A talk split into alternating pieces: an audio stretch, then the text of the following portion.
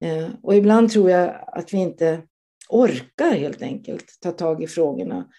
Eh, därför att det krävs någonting av oss.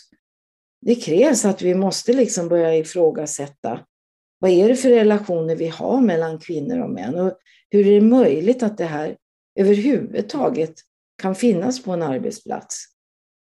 Ett av de stora problemen tror jag är att kvinnor inte heller har delat riktigt det de upplever med andra kvinnor så att kvinnor har kunnat gått ihop. Och det var det som hände med metoo. Då kände man en trygghet i att nu kan jag säga det här. Sluta leta skillnader i människor. Leta skillnader i villkor.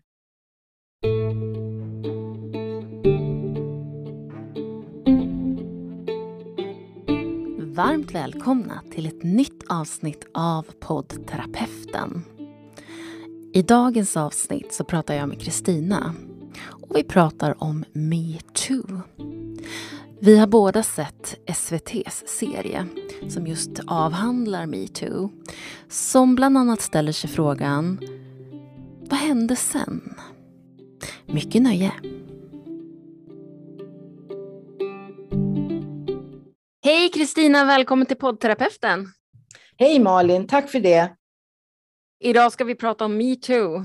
Och berättelserna från metoo som började höras under hösten 2017 synliggjorde att diskriminering och sexuella trakasserier förekommer i många branscher och alla delar av samhället.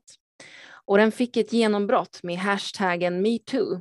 Den fick spridning i sociala medier när skådespelerskan Alyssa Milano bad alla kvinnor som ofredats sexuellt att svara på hennes tweet med orden Me too, jag också för att uppmärksamma omfattningen av sexuella trakasserier mot kvinnor. Det här spred ju sig som en löpeld genom hela världen. Ja, det gjorde det.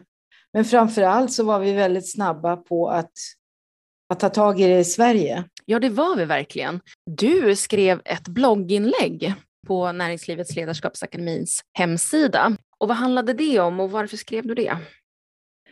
Jag skrev det därför att jag kände en oro när jag upptäckte att frågan var inte lika het längre. Mm. Eh, och då ställde jag frågor kring vad kommer att hända med metoo i höst? Och det jag skrev, jag kan läsa lite. Ja, gör det. Med lite oro blickar jag framåt och tänker, blir det som vanligt eller? Känslan av att vi aldrig lyckas hålla i mer än en fråga i taget. Vad betyder det för ett fortsatt arbete? För att säkerställa att de otaliga historier vi fått ta del av i metoo-upproret inte glöms bort? Och hur ska vi arbeta för att säkerställa att historierna inte upprepas?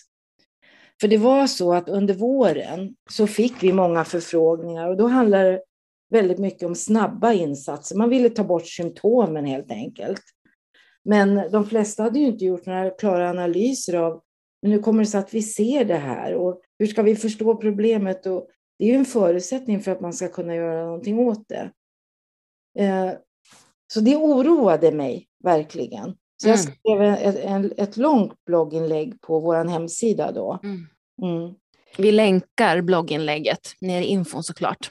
Du ställer ju en väldigt intressant, det är många intressanta frågeställningar som, som du ger uttryck för i blogginlägget. Men den där frågan som du verkligen sa där, eller den här frågan som du verkligen ställde, hur kan vi säkerställa att det här inte glöms bort um, eller att det bara faktiskt fortsätter. Um, vad, vad, tänker du kring det idag? Jag menar, nu är det ändå hösten 2021 och har vi glömt bort det?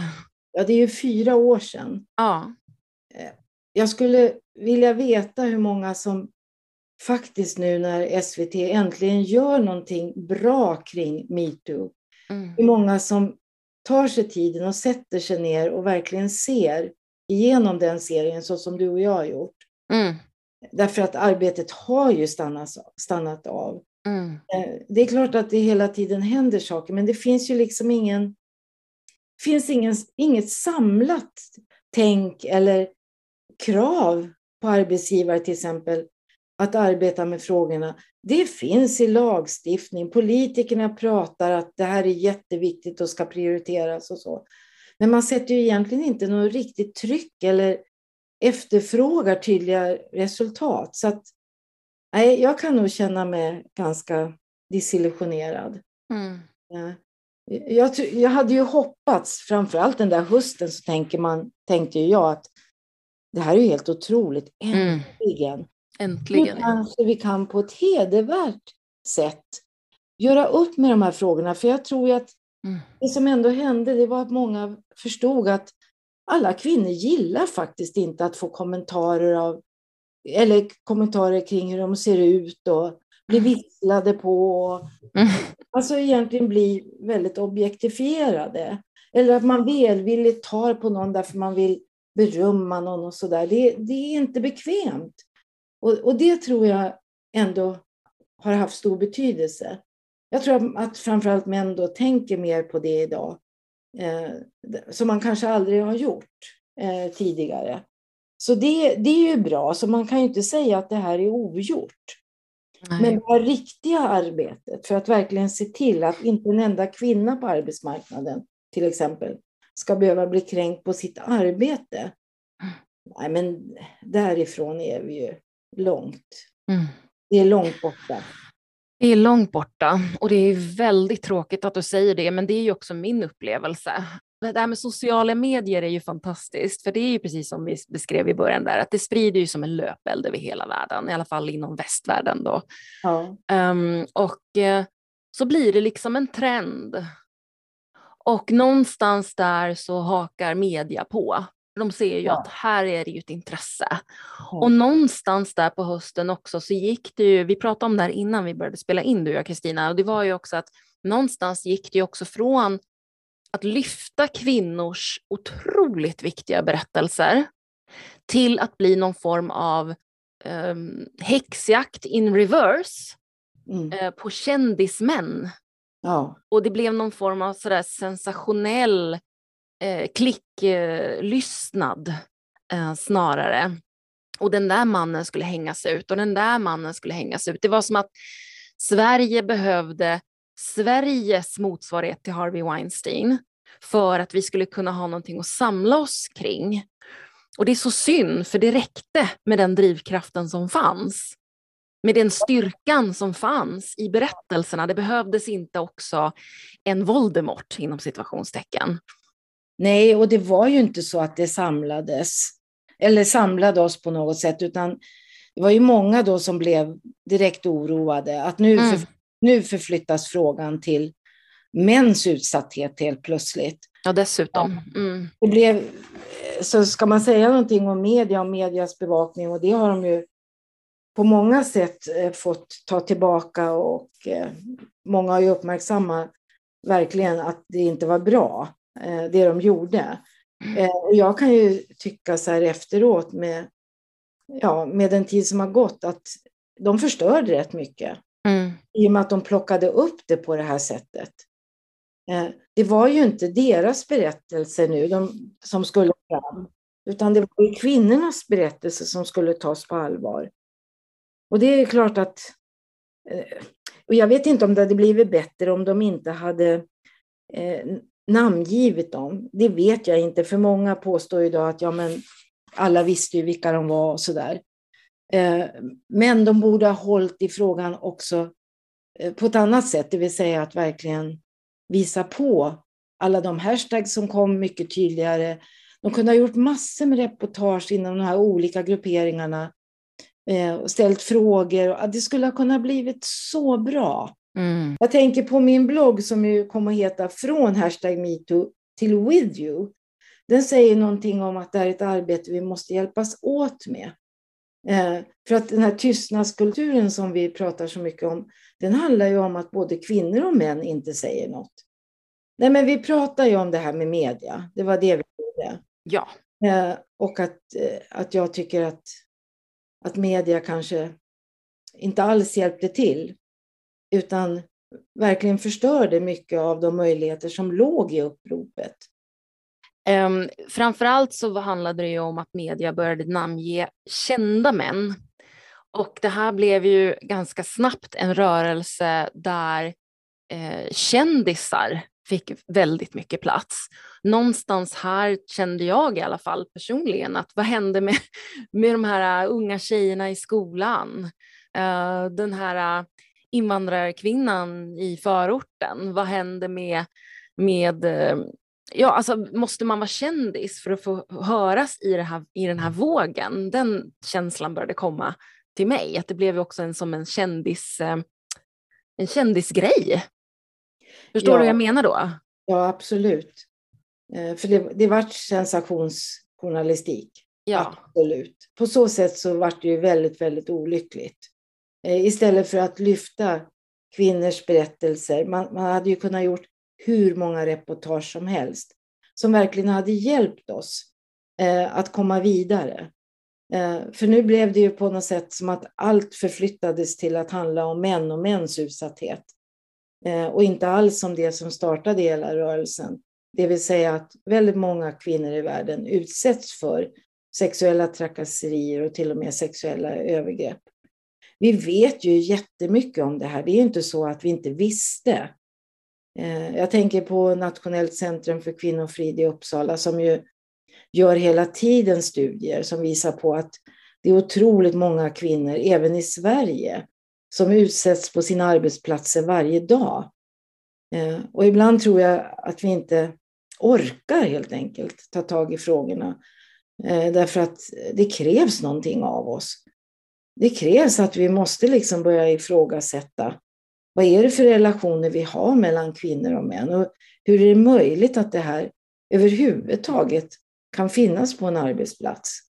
Ja, eller i, i det allmänna livet generellt.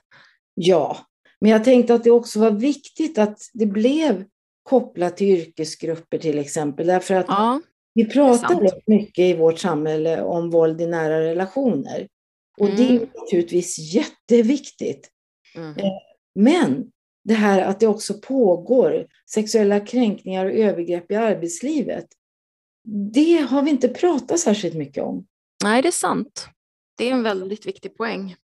På så sätt så var det viktigt liksom att de berättelserna kom fram, eh, tycker jag. Ja, um, säg något mer om det. Ja, hur ska jag, vad ska jag säga om det? det är jätteintressant. Så vi, ja. kan, vi kan dyka ner i det ytterligare lite. Ja. För det här är ju verkligen ditt område. Du är ju fantastiskt kunnig när det gäller de här sakerna. Och jag tänker att um, just när det gäller arbetsplatsen, vad är det för eh, kultur och struktur som har, som har en del i Tror du, så här, jag kan ställa en fråga så här. Tror du att den här um, underförstådda innan metoo, tror du att den här underförstådda, att det här förekommer på alla arbetsplatser inom situationstecken mer eller mindre, tror du att det har varit inbyggt också i någon form av arbetskultur generellt? Ja, alltså det är ju det det är. Och man kanske inte tänker på att när vi tillåter att kvinnor och män till exempel har eh, alltså de står och jobbar bredvid varandra och gör samma arbetsuppgifter, mm. eh, så får de ändå inte lika mycket i lön eh, för sitt arbete. Man kanske inte tänker på att det är på samma linje. Det vill säga att det här handlar om jämställdhet. Så länge de inte ser till på arbetsmarknaden att kvinnor och män är där och kan jobba på lika villkor, så är det här det yttersta kanske uttrycket för det. Så därför är det ju så otroligt viktigt att jobba med jämställdhetsfrågor i organisationer. Att säkerställa att kvinnor till exempel har Lika lön för lika arbete. Ja, och det handlar ju självklart inte bara om lön, utan det handlar om vilken, vilka utvecklingsmöjligheter man får. Mm. Vilka sammanhang man är representerad. Just det. Finns man med på viktiga konferenser? Får man träffa viktiga kunder? Eh, vi vet ju via forskning idag att kvinnor gör mera serviceinriktade insatser fortfarande i arbetslivet än att de medverkar i kärnverksamheten i relation då, eh, till män. Alla de här sakerna har betydelse. För det, det säger någonting om att det finns en ordning mellan oss, mellan kvinnor och män, där kvinnor på något sätt inte värderas på lika villkor som män. Eh, och det syns i hur vi faktiskt hanterar arbetslivet och hur kulturen ser ut. Ända ner till vem kommer till tals på ett möte? Ja, och vem backas upp tänker jag. Vem backas upp? Och vem får bara sådana små detaljer som vem får mest hmm och jaha och jo men du har en poäng. Mm. Och hur man också säger det. Eh, till exempel, ja men det var ju en kul liten idé. Eller, åh vilket bra förslag. Bara sådana här små saker, hur man backar upp den som just har sagt någonting, har en väldigt stor betydelse. Ja, jag tänker på en kund som jag träffade alldeles nyligen som berättade om hur han och hans kollega som är kvinna då, hade mm. träffat en kund och hon är experten. Mm. Och hela tiden så vänder sig kunden ändå mot honom. Mm. Och hur han då utifrån en stor medvetenhet kring de här frågorna går in och är väldigt tydlig med att du kan inte fråga mig för jag kan inget om det här. Nej. Utan det är Stina här mm. som verkligen är experten. Så det är henne mm. du ska lyssna på. Mm. Att göra sådana saker, att verkligen visa på. Eh, för där händer kvinnor ganska ofta. Att man, är man med en man så är det lätt att man kanske ändå vänder sig mot mannen på ett kundmöte och så. Ja. Säger inte jag att det här är det som händer i alla sammanhang vid alla tillfällen. Nej. Men det förekommer mer ofta att kvinnor på olika sätt inte blir de självklara ja. på den här typen av möten. Utifrån att det är faktiskt de som är, till exempel som i det här fallet, då, experten. Mm. Eh, så det är som du säger, det är stort och smått. Stort och smått, verkligen. Du startade ju en utbildning som hette Kvinna, man, ledare på mm. Näringslivets ledarskapsakademi. Jag var ju med och eh, anordnade det, men jag var också deltagare eh, och certifierades inom just den här utbildningen. Vi hade Anna Wahl, vi hade Yvonne Hirdman, och du föreläste, eh, Karin Hartman hade vi, just kring de här frågorna när det gäller arbete och kultur och jämställdhet. Är det något mer du skulle vilja säga om just den här utbildningen? Nej, men det var verkligen en utbildning som tog sin utgångspunkt i ledarskapets betydelse, men också kopplat till kontext, det vill säga sammanhanget där man är och den kultur som finns på arbetsplatser som ju ofta inte är så tydliggjord, men den finns Exakt. där. Exakt. Och um, nu, kommer all, nu undrar både du och lyssnarna vart jag vill komma med det här och jag kommer alldeles strax till det. Um, för att jag vet att det är väldigt, väldigt många som fortfarande inte riktigt kan förstå eller kan ta in det där med att ja, men om en kvinna på en arbetsplats utsätts för någon form av sexuella trakasserier i någon olika ska, skalagrad, varför säger hon inte bara till? Varför bara vänder hon sig inte om, eh, säger åt gubben eller vem det nu är att jo, gå och sen anmäler? Varför, varför behövs det en sån här eh, sociala medier-storm från några kändisars värld där det, där det började. Varför behövdes det? Varför behövdes det överhuvudtaget? För att det skulle lyftas upp. Och dit jag ville komma då, det var ju att under den här utbildningen så hade vi ju en övning där, um, där det var nog Karin Hartman tror jag. Hon uh, hade då samlat massa olika bilder. Vi skulle ta eh, och hitta bilder från olika tidningar och sen skulle vi se på vad är det som, vad är det som resonerar hos, hos mig när jag ser den här bilden. Och den bilden som jag hittade det var en sån här um, eh, annons från Gucci tror jag det var. Och det var två väldigt smala, snygga modeller. Och de slåss om en blå eh, Gucci-handväska. Och den där resonerade så väl in i mig, för det var precis som att den gav mig en aha-upplevelse till, och här mm. slåss vi om det här lilla, lilla, lilla utrymmet.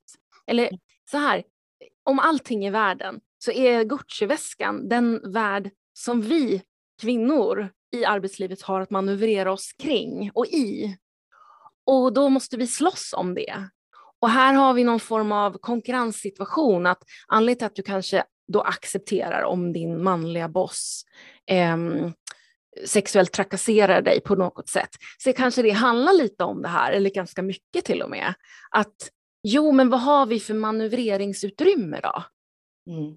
Ja, för anledningen till att jag tar upp det är ju just för att en av de här backlash signalerna som verkligen kom väldigt starkt också på sociala medier var ju just den här att ja, men ni får skylla er själva kvinnor för att ni håller på så här, varför ni också inte har sagt någonting, varför ni går med på det, varför ni håller varandra om ryggen även när det gäller sådana här saker. Det blev ju också en sån väldigt stor backlash. Och det är lite det jag försöker grotta ner lite här med dig i podden. Och det är en svår fråga, men vad tänker du kring, kring det? Man får väl svara på den på lite olika sätt. Det här mm. utrymmet är ju, är ju verkligen sant. Eh, för i de flesta organisationer, om du tittar, så är utrymmet för kvinnor att ta sig vidare i, i en karriär till exempel mycket mindre än män. Och det betyder att konkurrensen är mycket större mellan kvinnor än vad den är mellan män. Och det tänker man kanske inte på eftersom konkurrens på något sätt också är manligt könsmärkt. Det är ju män som konkurrerar, det är ju så vi ofta, ofta pratar. Så, så utrymmet att liksom ta sig fram någonstans är mera begränsat. Om du mm. tänker svenskt näringsliv, det är fortfarande bara runt 10 procent kvinnor som är toppchefer i svenskt näringsliv till exempel. Eh, och det är ju inte så att det är bara 10 procent kvinnor som jobbar i privat sektor. Så det säger ju någonting om att villkoren att ta sig fram är väldigt olika för, för kvinnor och män. Så det är ju en del av det. Men sen är det ju också det här med kulturen. Att, mm. Och svårigheten, om jag nu tar upp det här, vad händer då? Kommer jag att få uppbackning? Eller kommer man att tycka att ja, men det där är väl inte så farligt? Vi börjar ju säga det redan till små pojkar. Eh, när de kanske på olika sätt... Eh, eh vi kan ju till och med säga så här, ja men det är för han tycker om dig kanske. Eh, Ja, du vet, allt sånt här. Alltså, det är väl inte så farligt och så. Och det är jättefarligt att säga så. Mm. Det bygger en kultur där kvinnor på något sätt måste anpassa sig till att det faktiskt är så att här utsätts man ibland för kanske prat på ett möte där man sitter ensam kvinna och män går igång och börjar dra roliga historier på kvinnans bekostnad och så. Ja, det är kanske det man måste stå ut med. Och det är ju nummer ett, att det blir internaliserat. Förtrycket som det handlar om blir internaliserat i oss. Mm. Det andra handlar om, liksom, men om jag börjar säga det här, vad händer då med mig? Får jag behålla jobbet? Kan jag vara säker på det? Blir jag sedd som någon som bara ställer till bekymmer och besvär här? Även kvinnor måste ha sin försörjning. Så man är väldigt försiktig. Ett av de stora problemen tror jag är att kvinnor inte heller har delat riktigt det de upplever med andra kvinnor, så att kvinnor har kunnat gått ihop. Och det var det som hände med metoo. Då kände man en trygghet i att nu kan jag säga det här. Därför att dels hör jag att många kvinnor har varit med om något liknande och dels så går vi ihop. Då blir inte jag utsatt också utifrån det. Eh, så att det finns många olika förklaringar till varför vi inte har sagt något. Det där finns ju också beskrivet i normaliseringsprocesser för kvinnor som till exempel är utsatta för mycket våld i nära relationer och så.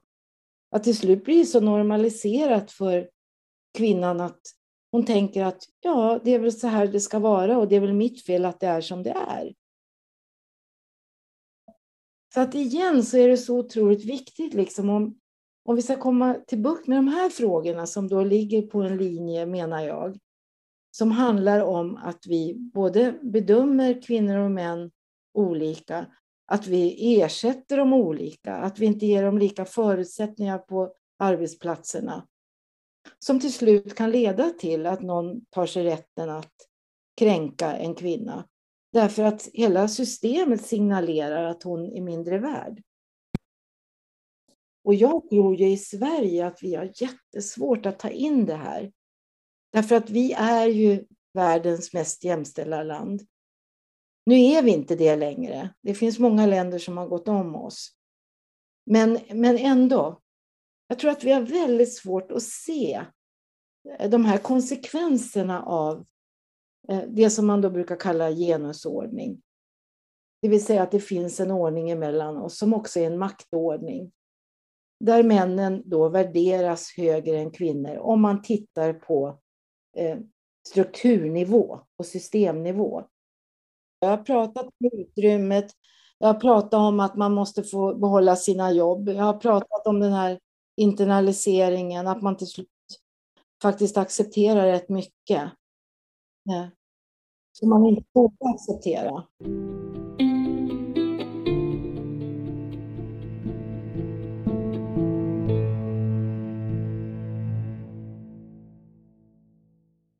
Ja men exakt och eh, vi ska snart gå vidare eh, mera på just metoo-biten. Eh, men jag ska bara lägga in en liten eh, observation. Uh, jag tittar ju faktiskt just nu på Bachelor Sverige. Mm. Och uh, det är ett väldigt intressant koncept. I, uh, nu är det ju då två män som ska välja bland 20 tjejer. Och um, det brukar bara vara en man som väljer bland 20 tjejer. Men nu har de faktiskt hottat upp konceptet lite. Så så, så nu är det två män då som väljer bland 20 tjejer, så det, det är ju en enorm konkurrenssituation eh, hos tjejerna då såklart. Den här blåa handväskan som jag pratade om, de, de slåss då om två män. Mm. Eh, och de här männen, de väljer ju och vrakar. Eh, och varje rosceremoni så, så ger de då rosor till de tjejerna som de vill fortsätta dejta och träffa och sen är det alltid en eller två tjejer då som åker ut. Och det här är väldigt intressant, för jag såg ju då ett avsnitt igår.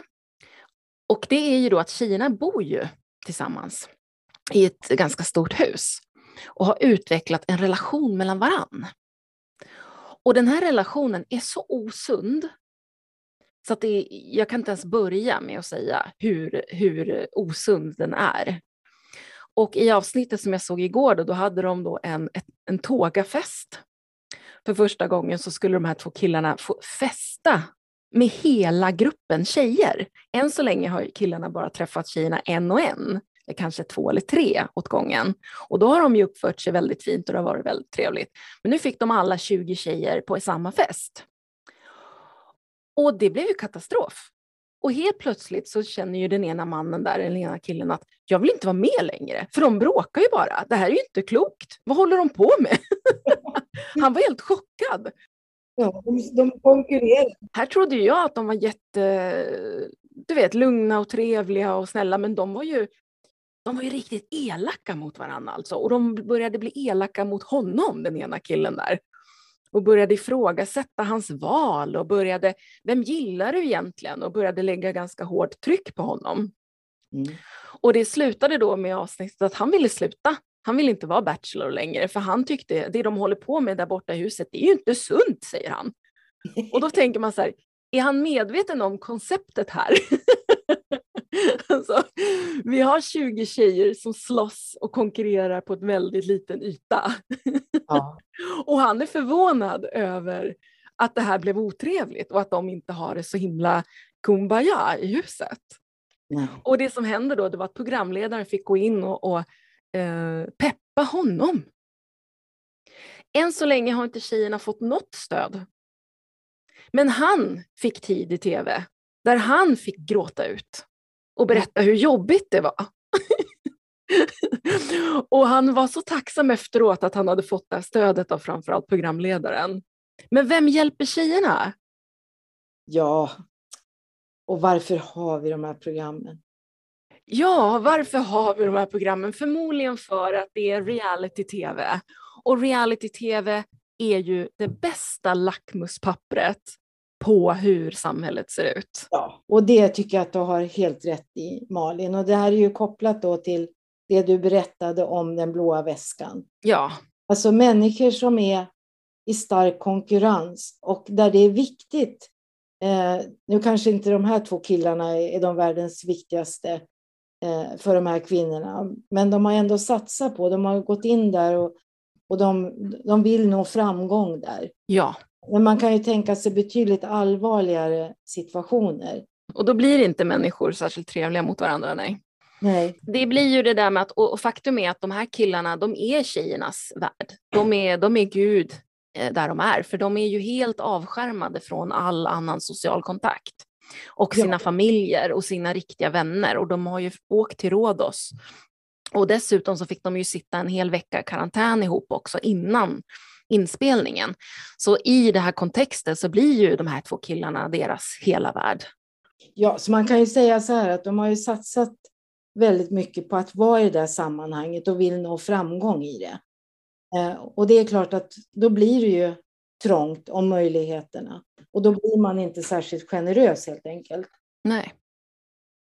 Och, och anledningen till att vi, vi pratar om det här överhuvudtaget när det gäller metoo så tror jag att vi har ändå då en pusselbit, en väldigt viktig och stor pusselbit kring varför det ens har funnits en tystnadskultur när kvinnor då ska eh, ta sig ur den här blåa handväskan eller skapas ett större utrymme så finns det strukturer där det fortfarande bara sker på eh, männens villkor. Och där finns det en gyllene, dekokt av möjligheter för männen då, i det här fallet, att utnyttja de här kvinnorna.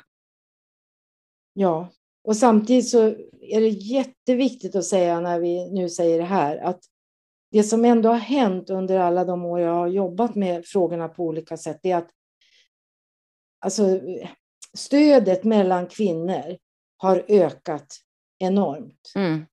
Det upplever jag också. Säga, ja, ju högre upp kvinnor finns, om vi nu kopplar det mera tillbaka till arbetslivet, eh, ju högre upp kvinnor finns i till exempel näringslivet, desto mer stöttar de varandra idag.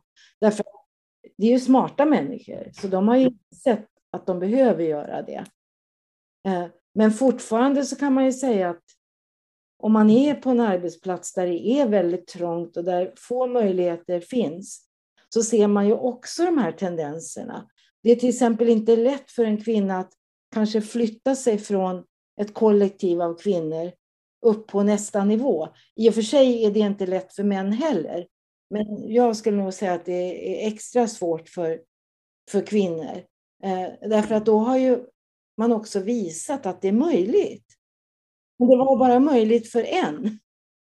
Eh, och, och då kanske man inte ger så mycket stöd i de situationerna till den kvinnan som ändå visar på vägen. Just det. Och nu kommer vi in på Kanters teori, eller hur? Ja, det gör vi. Kan vi, kan vi inte säga något mer om den? För den är ju väldigt bra. Pyramiden. Anledningen till att jag tar upp Kanter eh, och det som vi pratar om utifrån det vi pratar om, det är just det där att det där har jag upplevt själv väldigt mycket. Det där ligger ju mig väldigt varmt om hjärtat. Det är just det där med, igen då, att eh, när det finns kvinnor som, eller en kvinna låt säga, som då kommer upp eh, och banar väg, så är det inte alltid självklart då att de andra kvinnorna eh, sluter upp. Nej. Och stötta det. För att eh, det kan ju också, se, det kan också upplevas då som lite provocerande. Att ja, ja, men om vi alla är här nere i botten på pyramiden, eh, då är det ju fortfarande okej okay att jag är kvar där, för det är inte mitt fel då, för alla är ju här. Men om en eh, då person hoppar upp några steg på den där pyramiden där det blir mycket mindre på toppen ju. Eh, vad säger det då om mig? Om hon kan göra det, varför kan inte jag göra det? Och varför blev jag inte vald kanske? Att ja, göra det? och varför blev jag inte vald? Vad är det för fel på mig? Ja, och då är, det, då är det igen då otroligt viktigt att säga att det här beror ju då på sammanhanget och inte så mycket på att det råkar vara kvinnor, utan det råkar vara människor. Ja. Och i det här fallet så är det kvinnor som har mindre möjligheter än män att ta sig vidare. Så då är vi tillbaka till den här trängda situationen där få möjligheter uppstår. Eh, och det Kanter gjorde, Kanter är eh, forskare från Harvard eh, University i USA. Och hon, hon forskade på de här frågorna redan på 70-talet. Men hennes forskning har ju blivit då vägledande kan man ju säga och man använder fortfarande hennes teorier Eh, när man gör analyser av data, eh, det vill säga empiri som man tar fram idag. Eh, när man till exempel studerar olika organisationer och så där. Och det, det hon kunde se var ju just det här med att har man inte möjlighet att ta sig uppåt på samma sätt i en pyramid, eftersom vi jobbar i hierarkier, så påverkar det oss som individer. Då tror vi oss inte om till exempel kanske att ha den kompetens som behövs för att ta sig vidare. Så vi lägger det gärna på oss själva. Så det blir på något vis som att det kollektiva eh, tar vi in då på individnivå? Ja, det blir alltså systemet blir, blir liksom vägledande för hur jag förstår mig själv. Ja. Och så är det ju. Vi måste ju, alltså vi människor skulle inte finnas och kunna leva om vi inte relaterar till varandra. Men vi kanske inte så ofta tänker på det på det här sättet som hon då beskriver. Så att jag börjar ju backa. Jag känner ju att okej, okay, de ville ha mig när de anställde mig, men det är tydligen bara här de ville ha mig till exempel. Och det gör ju någonting med att jag kanske inte blir så eh, på när det gäller att kanske ställa mig eh, längst fram i, i ledet och säga ja men jag vill också. Utan risken är att man tänker att ja, men hur ska jag kunna säga det? Liksom, de kommer väl tycka att jag är jättekonstig då. Eh, därför att jag skulle ju bara vara här.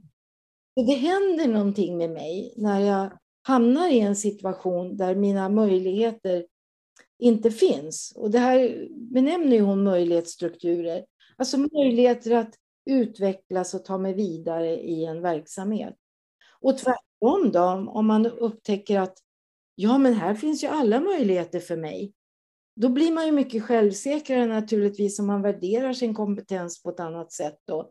Tänker att ja, men jag kan ju kanske göra vad som helst här på sikt. Mm. Så att systemet påverkar ju oss som individer. Och det är ju framför allt den här genusordningen då, som vi inte gör oss medvetna om. Att, att det är kanske inte det vi gör, utan vilka vi är, det vill säga uppdelat på kvinnor och män, som styr. Utan att vi gör oss medvetna om det. För kvinnor förväntas då i högre grad till exempel jobba med mera administrativa uppgifter än vad män förväntas göra och så. Och sen blir det ju som ett självspelande piano, för då kan man ju tycka att ja, men det är väl bättre att Lisa gör det, för hon är ju bättre på det. Mm. Det handlar ju inte om att inte Sven skulle kunna vara jättebra på det, om han fick träna. Mm. Vi blir ju bra på det vi tränar på. Vi blir ju bra på det vi tränar på, det är så sant. Ja, jag tänker på ett program som ju också gick, eh, som Belinda, vad heter hon, Olsson gjorde mm. på SVT. Ja. Och då har jag tänkt att, men hur, hur okunniga kan man vara i en redaktion som man tillåter ett test som ska visa att kvinnor och män eh, är olika eh, och försöka koppla det till biologi. När de får göra ett test där de ska sätta ihop möbel från Ikea. Den fråga de aldrig ställde, av er män som gör det här, hur många av er har gjort det förut? Av er kvinnor som gör det här, hur många av er har gjort det förut? För de, det kan ju verkligen vara så att några av männen här, på grund av att vi håller på så att män gör mer av den sortens arbete, kanske har satt ihop 70 olika produkter från, från Ikea. Mm. Sen visar det sig att en kvinna gjorde det bättre än män, än några av männen där. Jag kommer inte ihåg exakt. Då, liksom, då bara försvann det ur leken. Jaha. Det vill säga, variationen om du ska verkligen kunna visa på någonting så måste ju förutsättningarna att göra det vara lika. Och, det tog man inte reda på. Och sen kopplar man det till någon slags biologiska skillnader. Ja, för det är som du säger, förutsättningarna ska ju vara lika och sen betyder ju inte det att vi är biologiskt lika, eh, för det är vi ju inte, men förutsättningarna ska vara lika och det betyder heller inte att eh, utfallet ska vara lika. Så vi försöker ju också vara lite noga med vad vi menar här. Och när det handlar om att vi inte är biologiskt lika, ja det vet vi ju, men frågan är hur mycket biologin betyder på en arbetsplats. Ja, exakt. Om vi har dåliga villkor i, i vårt samhälle för både kvinnor och män så kommer det att påverka vårt mående. Och det gäller ju, då är vi tillbaka till mito. Människor som utsätts för våld eh, blir sjuka i mycket högre grad. Så det, det handlar om vår hälsa.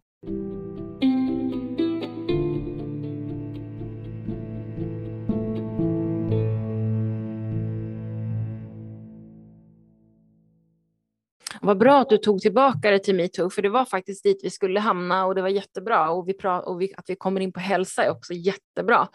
Och för våld, våld i till exempel i, i nära relationer skapar ju en väldigt stor stress, alltså en, nästan på gränsen till eh, krigs posttraumatiskt stresssyndrom situation där du hela tiden måste vara på din vakt och det är klart att du blir sjuk av det. Ja. Att vara rädd för ditt liv, och för det, det är ju ingenting som en människa eh, ska behöva gå igenom. Det var ju så himla kul att prata med dig. Jag känner, jag känner också att vi, vi skulle prata om metoo, men vi hamnar ju i så mycket olika pusselbitar och trådar här, men alla är viktiga. Eh, så att vi försökte också bredda eh, det hela ytterligare lite. Eh, det har vi verkligen försökt göra idag, så jag skulle bara vilja ställa frågan igen då, när vi återkommer till det den frågeställningen som du sa där i början. Att hur kan vi här och nu, hur kan vi fortsätta öka medvetenheten runt metoo och sex, eh, sexuella trakasserier? Hur kan vi fortsätta? Ja, lite har väl svaret funnits i det vi har pratat om, tänker jag. Att om, vi, om vi säger någonting om arbetslivet först då, så tänker jag att alla organisationer måste arbeta med frågor om jämställdhet. Och jämställdhet är det mål vi vill nå för att kvinnor och män ska finnas på en arbetsplats på lika villkor. Och det är extremt viktigt också kopplat till hela vår samhällsutveckling och vår demokrati. Vi är så bra på att hela tiden säga att människor har lika värde och så där. Och sen i praktiken så visar vi inte det i handling. Och så länge vi har olika villkor, till och med på arbetsmarknaden, eh, för kvinnor och män, så, så är inte vår demokrati full. Eh, att det är så otroligt viktigt för hela samhällets utveckling att kvinnor och män finns med där viktiga beslut tas som påverkar oss alla, både kvinnor och män, flickor och pojkar. Och det är så himla sant. Och här ska vi också lägga in att vi pratar också självklart om icke-binära. Ja, självklart så, men även när, när vi pratar om kvinnor, män, icke-binära, så även eh, alla måste fortfarande hantera um, ett samhälle som då är uppbyggt på kvinnor och män. Ja, vi, delar, vi delar ju upp det i kvinnor och män och det är klart att det är ett annat problem som vi kan prata om vid ett annat tillfälle. Mm. Men, men, min tanke handlar om alla oss människor, hur vi än väljer att benämna oss själva. Ja. Och hur vi än vill att omgivningen ska förstå oss och på olika sätt bemöta oss utifrån. Eh, det ska inte ha någon betydelse. Utan, utan, och vi brukar säga, sluta leta skillnader i människor. Leta skillnader i villkor. På vilka villkor arbetar vi på den här arbetsplatsen? Och det kan ju vara svårt att liksom få tag i. Alltså, hur ser man det? Hur kan man liksom synliggöra det. Och då, då brukar i alla fall jag säga att ja, men titta på det resultat du har. Hur ser det ut? Vad jobbar kvinnor och män? Vilken makt och vilket inflytande har de? Vilka utvecklingsmöjligheter får de? Vi tar fram massor med statistik jämt på hur det ser ut i organisationerna. Och det är ett resultat av det vi har gjort där. Och det betyder att vi behöver backa in i organisationernas dagliga processer. Alltså hur gör vi när vi till exempel lönesätter? Hur gör vi när vi till exempel gör en intervju för en anställning? Vad ställer vi för frågor? Hur, hur skapar vi förutsättningar för kvinnor och män att komma till tals på måndagsmötet? Alla de här sakerna påverkar resultatet. Och det är inte så himla svårt. Alltså vi ser ju så mycket bra exempel på där organisationer tar tag i frågorna och verkligen vill någonting. Hur snabbt det går att förändra. När medvetenheten kommer, när det kopplas till varje individ att var och en faktiskt kan göra någonting utifrån där jag står och verkar. Utifrån mina arbetsuppgifter. Vad kan jag göra för att säkerställa att jag inte bemöter kvinnor och män på min arbetsplats på olika sätt till exempel. Och det här är grunden. Vi kommer inte runt grunden. Nej, nej, men precis. Och det var det du sa så bra där i början, att du, när du upptäckte att, att personer då från organisationer eftersökte din kompetens så handlade det mera om eh, symptomhantering snarare än grunden. Ja, ja. Vi hade ju en kund när metoo eh, startade eh, hösten 17. Då hade vi arbetat med en stor organisation i Sverige och arbetat med hela den verksamheten. Och då ringde en av cheferna som jag hade jobbat tillsammans med under några år och sa att tack. Vi var så väl förberedda.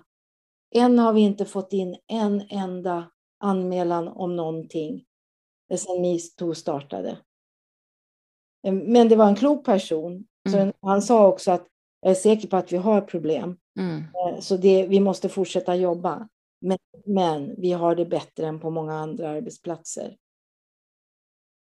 Så att liksom, det är liksom grunden, det går liksom inte. Sen måste man ju självklart ta tag i de problem som är och skapa en kultur där varje enskild kvinna, eller för den delen en man som blir utsatt, vet att det här kan jag ta upp. Jag kan säga ifrån direkt.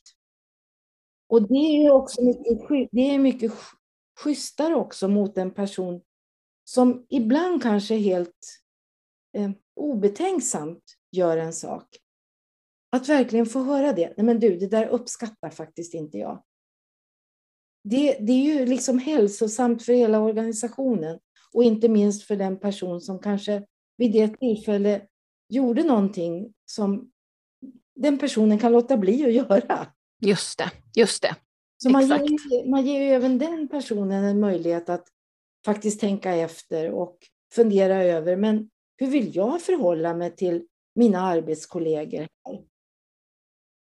Så att liksom det, det är så möjligt, men det kräver ett arbete och framförallt ett initialt arbete som handlar om kunskap, som handlar om att människor får utbyta sina olika upplevelser och erfarenheter med varandra i en miljö som inte är fördömande, som inte förlöjligar. Som verkligen lyssnar. Och som sen hjälps åt. För att man kan titta på många olika saker och den viktiga frågan blir ju, men om vi gör så här i den här organisationen, är det bra eller är det dåligt? Är det någonting vi vill förändra? Och så kan man gemensamt komma fram till att våra måndagsmöten ska se annorlunda ut. Vi ska se till att alla kommer till tals. Nu har vi bara en timme varje måndag, men då tar vi var och en. Så att alla får liksom visa vad vi faktiskt gör här. Och naturligtvis är det också viktigt. Alltså i vårt samhälle idag så är det mesta väldigt komplext. Så att om man på en arbetsplats till exempel inte vet om varandra, vad man jobbar med, så vet man heller inte vilka synergieffekter man kan uppnå genom att hitta bättre samverkansmöjligheter och så där. Så vi kan prata jättemycket om samverkan, men sen gör vi ingenting för att verkligen se till att den blir möjlig. Så det är massor med saker i det vardagliga arbetet. Och eh, vi ska ju börja avrunda nu, men jag tänker verkligen spontant på det avsnittet som jag släppte med Anna. Eh, hon eh, var ju då med och startade upp Missing People i hennes län där hon bodde. Och fram tills dess så hade hon ju inte vågat prata inför grupp eller vågat ta kommando över en grupp om man så säger. Um, men hon fick ju en enorm uppbackning av en annan person där eh, som under en lång tid bara boostade henne sådär och, och eh, jo men gå upp och prata, du kan det här och du fixar det här och, och, och till slut så, så gjorde hon ju det. Och nu, nu pratar hon väldigt bra. Och hon gör det ofta och gärna. Och här, i hennes fall då behövde hon den där hon behövde en annan person som kunde ge henne den där boosten. Och jag tror att det är det det handlar om också, att vi någonstans kan lyfta medvetenheten eh, med, medvetenheten kring de här frågorna. Men också att vi kan fortsätta lyfta varandra. Att vi kan fortsätta boosta varandra. Titta, här har vi en, en kvinna som, som går sin egen väg hon hörs lite extra. Bra, då boostar vi henne lite extra. Här har vi en kvinna eller en man eller icke-binär som inte hörs alls. Vad gör vi då? Jo, vi kan boosta lite extra utifrån dennes behov självklart. Man ska inte pusha på någon annan någonting. Men kan, här, här tror jag ur poddterapeutens perspektiv att jag tror också att vi vi generellt, vi människor, vi har mer att vinna på genom att boosta varann och skapa nätverk. Och det kan också vara en pusselbit. Ja, men det är det absolut Malin. Och det jag verkligen tänker på det är väl att, att hålla fast vid vad det betyder när också kvinnor går ihop och på olika sätt stöttar varandra. Ja. Och det hoppas jag verkligen att vi aldrig släpper efter metoo. Eh, att verkligen försöka. Och jag vet ju att det är jättemånga kvinnor som på olika sätt stöttar andra kvinnor som har listor på kvinnor som är möjliga när frågan kommer. Känner du någon kvinna som skulle och så där. Det finns otroligt mycket vi kan göra och sen acceptera olikhet, att inte vara så stereotypa i vårt tänkande. Att liksom inte utgå ifrån att det jag gör och hur jag har det, det kanske är bra för mig, men det kanske inte är bra för alla andra. Då är det ju mera intressant att vara lite mer nyfiken på, men hur lever andra människor sina liv? Och vad tänker och tycker andra? Det är klart att det finns oändligt mycket att säga kring hur till exempel vård behöver vara urduktiga på att ta hand om offer och sådana saker som för övergrepp och så. Men då kan det också vara viktigt att säga att det händer jättemycket där. Idag ställer man ju oftare frågor om våld när kvinnor kommer in av olika anledningar. Man ställer till och med det till kvinnor som är gravida. Eh, och man ställer det till kvinnor som kommer in och har smärtproblematik. Det finns så mycket mer vi skulle kunna prata om det här känner jag eh, och det håller du nog med mig om. Eh, men vi ska verkligen börja avrunda och eh, vi har ju då pratat om mycket olika saker och temat var ju metoo idag. Men vi kommer också länka filmen eller serien på SVT såklart här nere i länkbeskrivningen så titta gärna på den. Ehm, och något slutord då, Kristina, innan vi, innan, vi, innan vi slutar? Ja, då tänker jag på det jag skrev i bloggen. Att vill vi förändring så är det så möjligt. Och att det handlar väldigt mycket om att hålla samtalet igång. Så börja prata igen då, se den här serien och börja prata om det igen. För prat kommer alltid före handling. Åh, så sant. Prat kommer alltid före handling. Och det är ju faktiskt precis det vi har gjort idag. Ja. Härligt, härligt Kristina. Tack så mycket. Hej då så länge. Hej, då Malin.